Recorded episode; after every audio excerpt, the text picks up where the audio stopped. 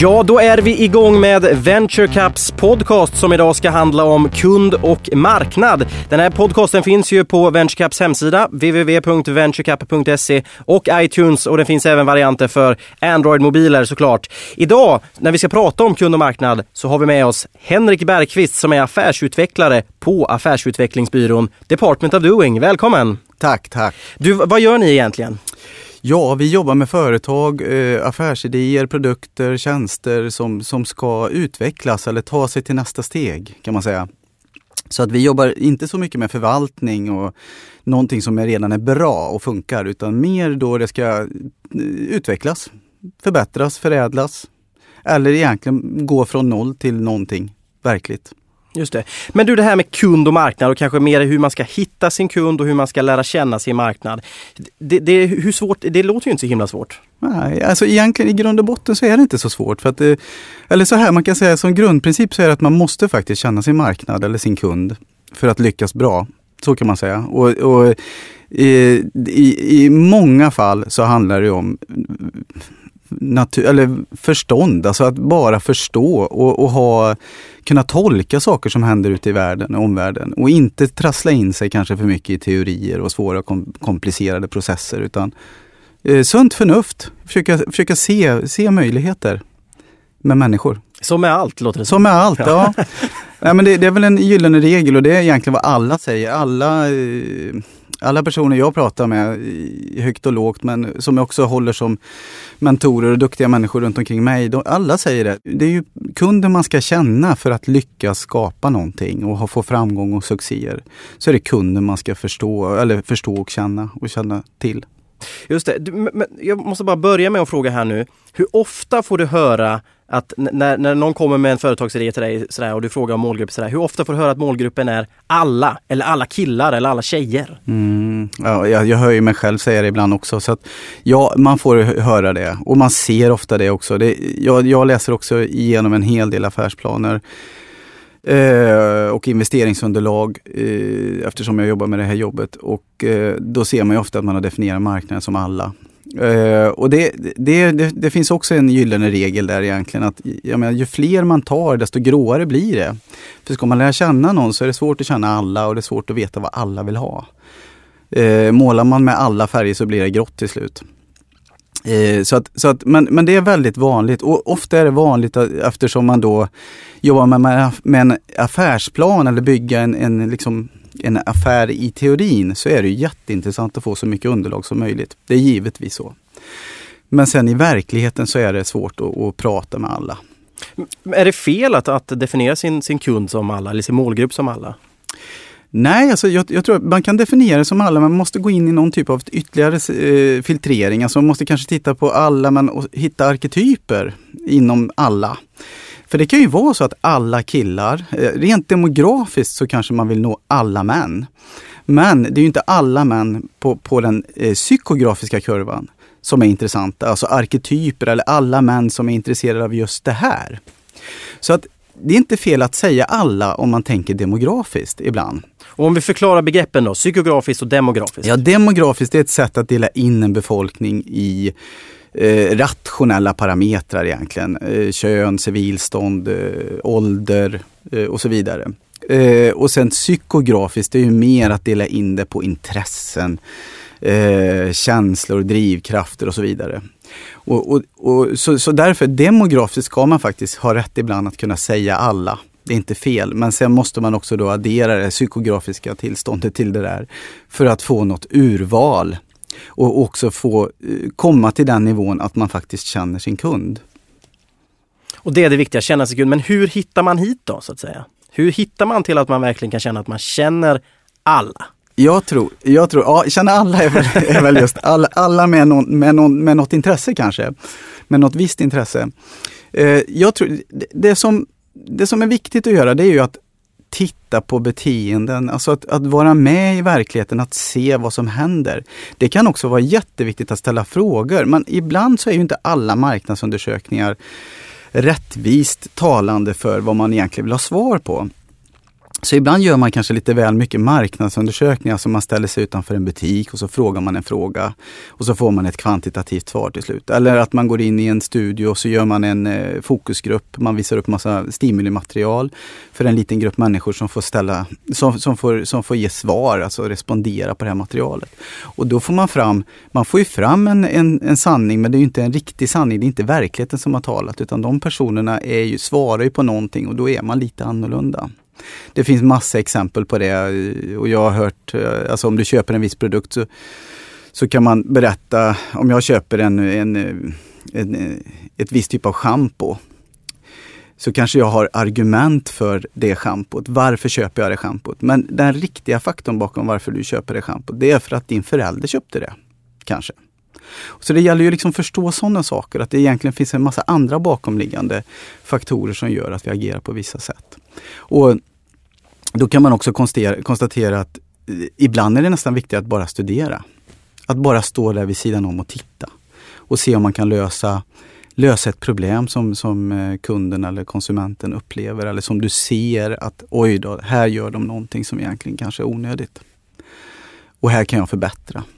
Eh, så, att, så att det är inte alltid bra att ställa frågor eller göra undersökningar. Det är givetvis bra att, att ha det i grund och botten men sen ska man våga kliva av det också och ställa sig och verkligen titta på, är det här en sanning eller är det bara en sanning med modifikation?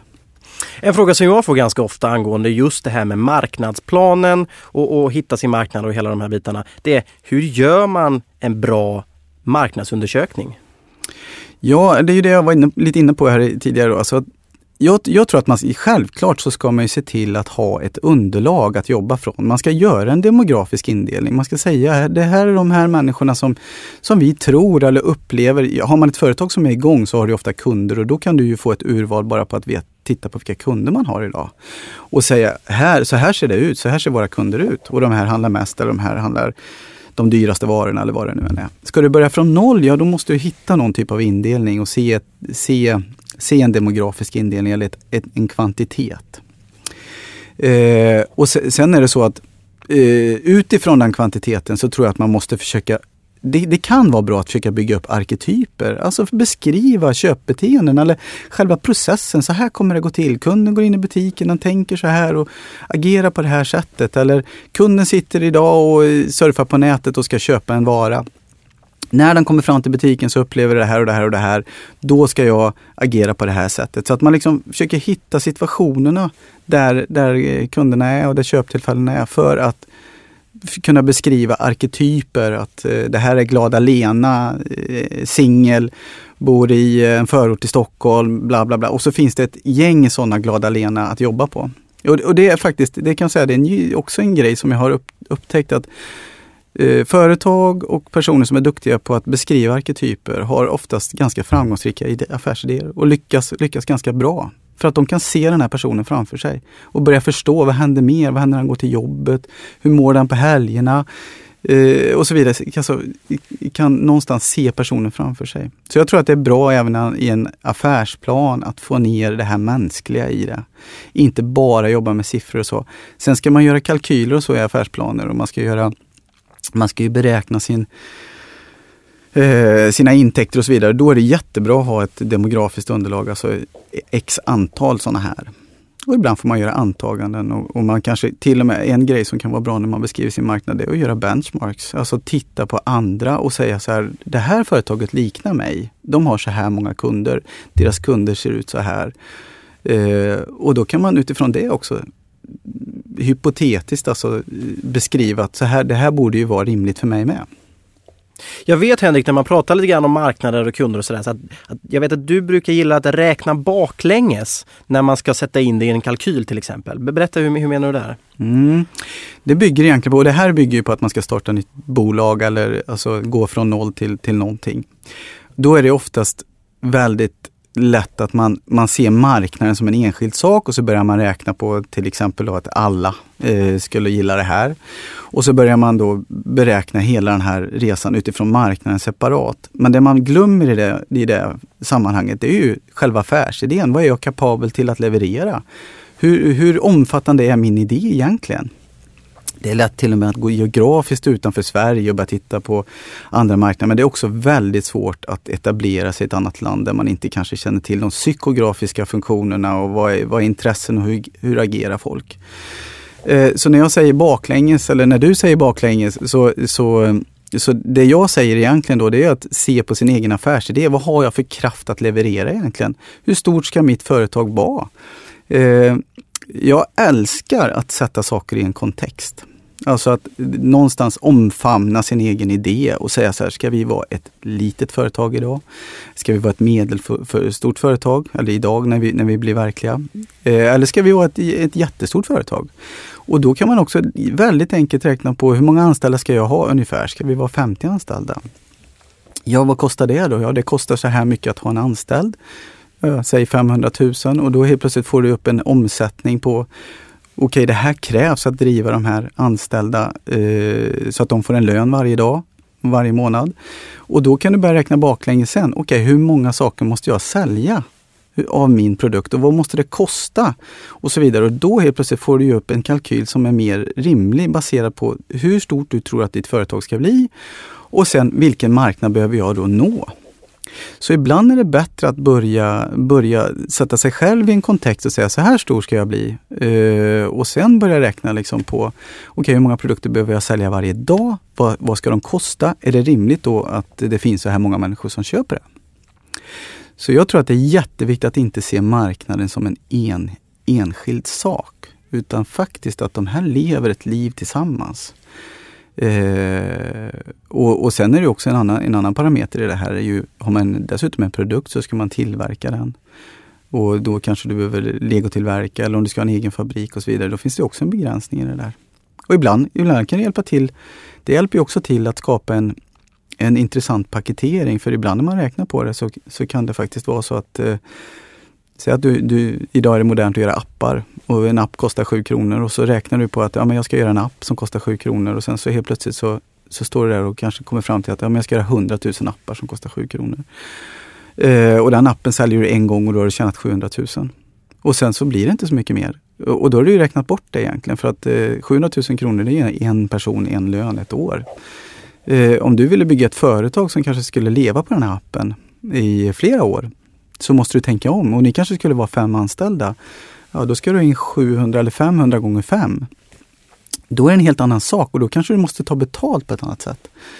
Eh, och då kanske du får sälja ett abonnemang istället och då får du värdera din produkt på ett, annat, på ett annat vis. Så därför är det bra att vända och vrida på det och inte se marknaden som en sak utan det är en enhet ihop med så mycket annat.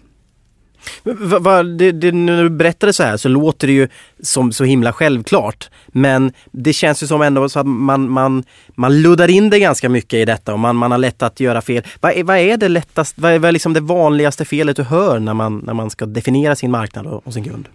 Ja, men jag tror felet är att nu kommer vi in i kapitel marknad. Det är så man tänker. Nu kommer vi in i kapitel marknad. Och en affärsplan har ju också, det är ju liksom ett A4 som går uppifrån och ner. Och så fyller man på med text. Eh, och, och, i det textformatet så är du då på det här kapitlet och då tittar man på marknaden utslutet och så har man egentligen aldrig riktigt ifrågasatt sin affärsidé eller man har liksom aldrig satt sig i sitt företag i en kontext.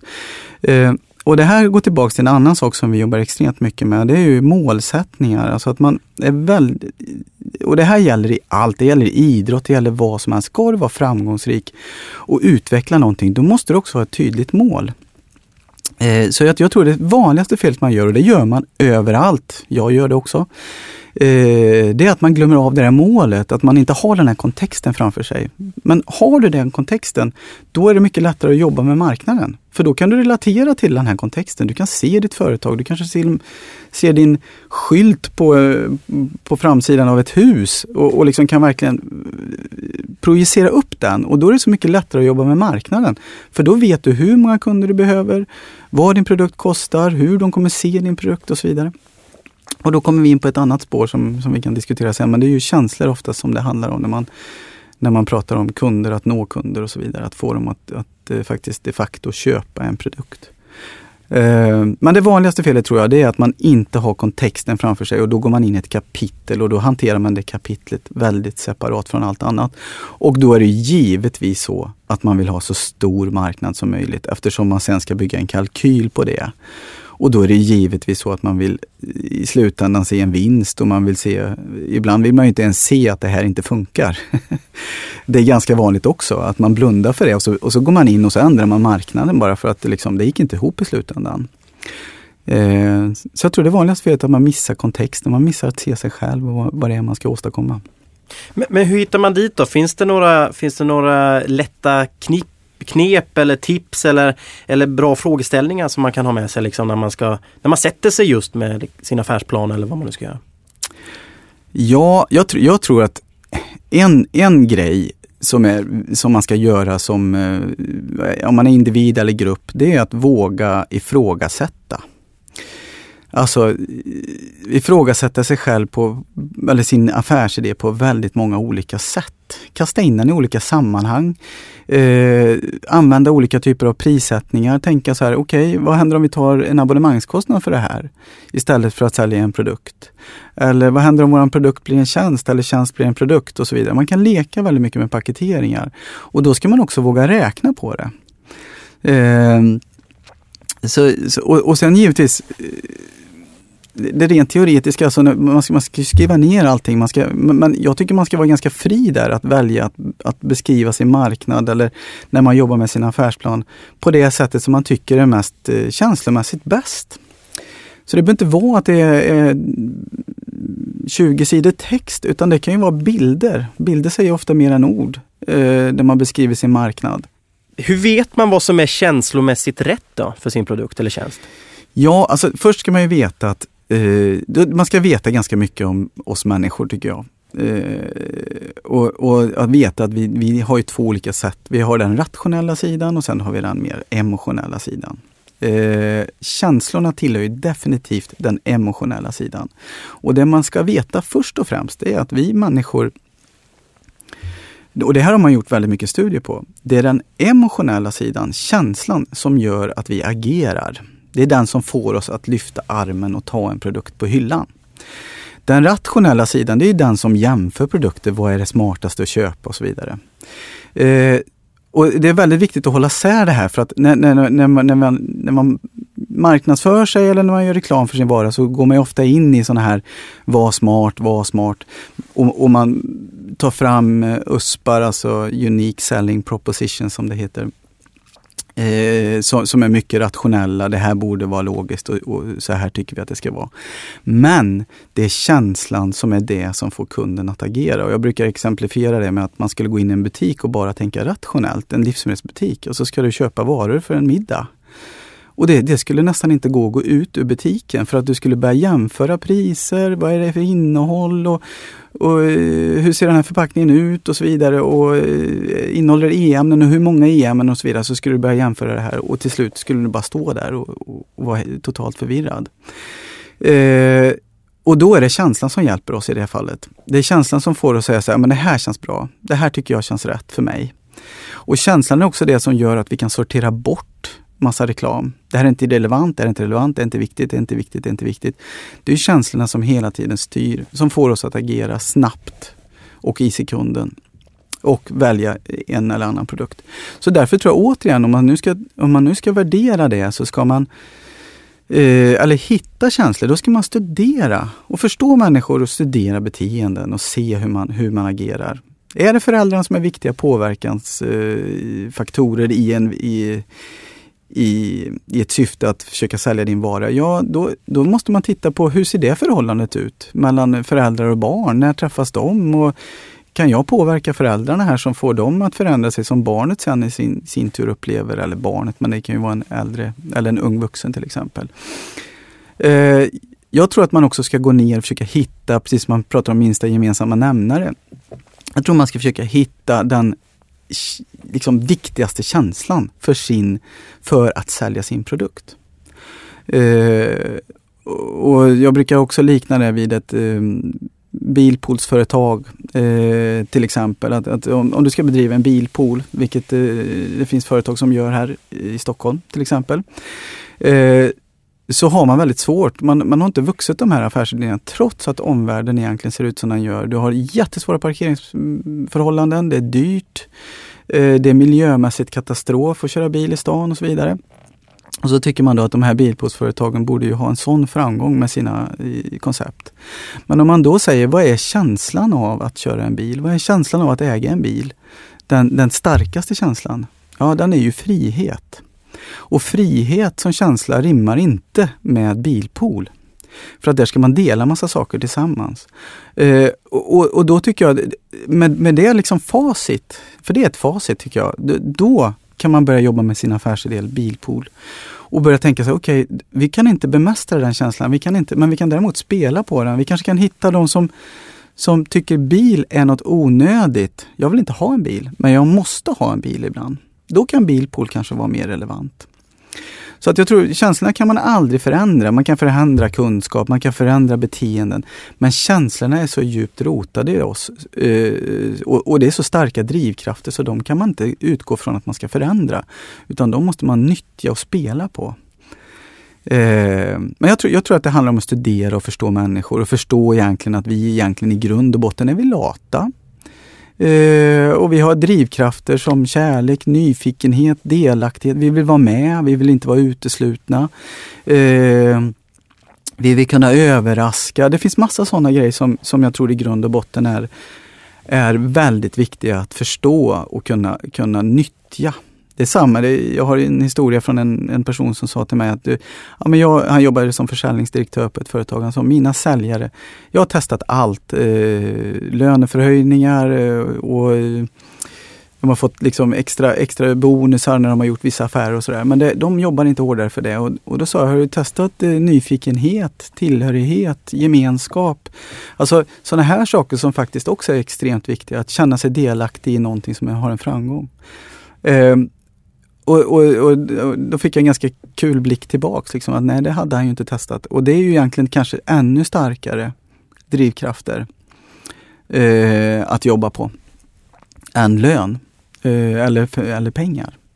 Så ibland det här med att spara pengar eller eh, köpa billigt och så. Det, visst, det är, ju, det är ju en drivkraft i sig men det är inte så viktigt. Så känslorna tycker jag det är det mest centrala. Men om, om vi håller fast lite grann vid exemplet bilpoolen som du tog där. Eh, som, som eh, vi, pratar, vi pratar om en målgrupp som, som känner att de inte vill ha en bil. Att man kanske ska bygga på det, den sälj, det säljargument, säljargumentet. Hur hittar man dem då? Ja, alltså det, det, tror jag är ganska, alltså där skulle jag nog säga att det är en ganska enkel sak att eh, hitta, hitta eh, säga så här, hur många finns det i Stockholm? Hur många invånare finns det? Och så eh, ta innerstan då, till exempel. Och så tittar man på, okay, hur många av de här är bilägare? Och resterande har ju ingen bil helt enkelt. Jag tror att det är lättare att hitta i bilregistret eller få ut, få ut eh, information kring hur många är det som har en bil och bor i Stockholm. Eh, då har du ju faktiskt resterande grupp. Och sen är det så, okej, okay, alla behöver ju bil någon gång. Eh, man ska åka till Ikea och handla någonting eller eh, ja, det händer någonting. Eh, sen gäller det att göra avvägningar där, självklart. Det är, ju, det är ju sådana som konstant åker buss eller eh, kanske inte ens lämnar sin stadsdel. Men någonstans finns det en procent som behöver bil.